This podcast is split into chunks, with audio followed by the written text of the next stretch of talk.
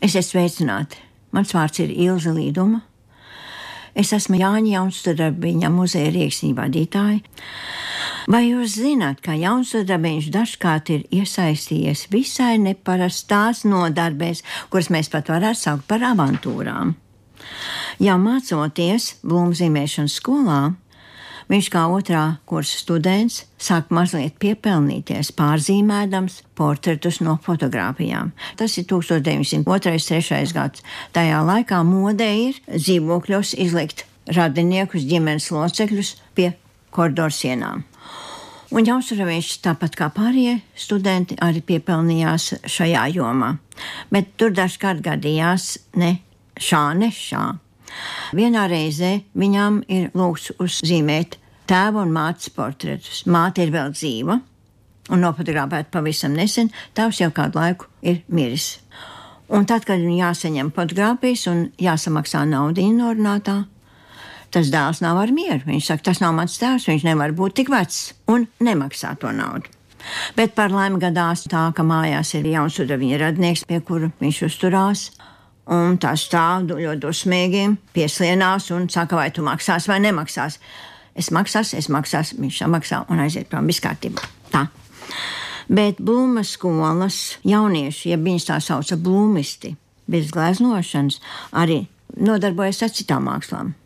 Viņiem bija savs pulciņš, kur viņi pārunāja ne tikai glezniecību, bet arī rakstniecības jautājumus. Un jau tur viņš pat par godu tam uzrakstīja savu tēlojumu mietiņš, kuram vēlāk ir nosaukums Guļmeļa un Medinieks. Un tas bija viņa pirmais prozas darbs, un tas ir 1900, nu, otrais, trešais gads apmēram. Šis darbs neizpelnījās ievērību, bet Jaunsudabiņa pasniegšanas maniera gan, un tāpēc tam vēlākos gados, kad Jaunsudabiņš lasīja savus tēlojumus, tad visi viņu uzņēma ar sajūsmu, jo to viņš darīja vienkārši lieliski. Bet Blūmskola arī rīkoja publisks vakars. Un tā nu vienā reizē šajos publiskajos vakaros bija priekšnesumi, bija debates, kāds ļoti nopietnas referāts, bet nu cik tad ilgi vienu un tie paši skolēni uzstāsies, bija jānomaina mazliet, un Jauns Rabiņš kā nekā bija palielījies, ka viņš mākot ļoti labi violi spēlēt. Un tā nu lūk skolas direktors, Pats Blūms pasaka Jaunsudrabiņam, ka viņam šajos svētkos, Ziemassvētkos būs jāspēlē viole kopā ar Jūlu, Labi, ka ir otrs students vēl, un viņam ir jāspēlē saulīt tecēt tecēdam duetā. Nu, kaut kā viņi nospēlēja. Jaunsur viņš pats jūta, ka viņam reizēm lociņš skrien pa visām četrām stīgām, un no šī brīža skolas direktors nekad vairs neuzaicināja Jaunsurabīnu spēlēt kādu mūzikas instrumentu, bet kopš tā laika godkārības vēlnām Jaunsurabīns nav ļāvis sevi dīdīt. Tā viņam bija arī liela dzīves mācība. Nu, bet skolas pavasara izstādēs gadījās, ka apmeklētāji dažkārt nopirka kādu studiju, kādu zīmējumu, un tad jau tas bija ļoti labi. Bet eh, tādu gadījumu bija maz, un tas nemaksāja daudz, jo pat nobriedušāki mākslinieki dabūja labie 50 kapeiks par bildi. Nu, tā nu bija beigušās četru gadu studijas Blūmas skolā. Jauns viņam nav darba, viņš ir izdomājis, ka viņš varētu iet dzelzceļniekos.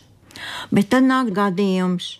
Pie viņa ierodās Henriks Berke un lūdza viņam pārkopēt vienu Jūlija Klēbera gleznu.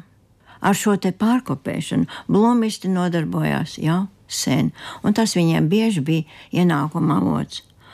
Tur bija ļoti daudz šiškinu, ļoti daudz vienkāršu maskriebijas skatu, daudz klēvera darbu, tā kā Jauns Urbiņš saka, mēs jau nezinām, cik kurš mēs pārkopējām šos darbus.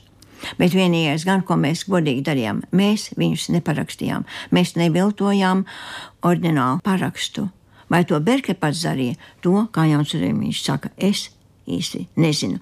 Bet kopijas taču bija gluži tādas pašas kā ordināli. Tā viņš raksta savā darbā, mana dzīve.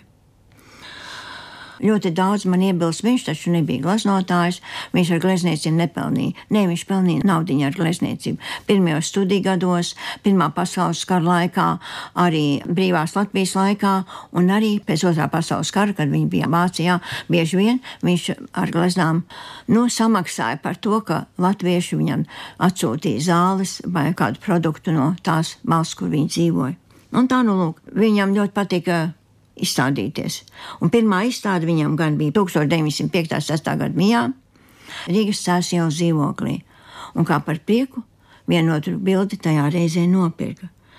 Tad, esot Pirmā pasaules kara laikā Kaukazā, 16. un 17. gadā bija trīs izstādes pie Čigorskā, un no šīm izstādēm tika nopirktas vairākas gleznas Tiflisas muzejam, Tbilisi. Ja?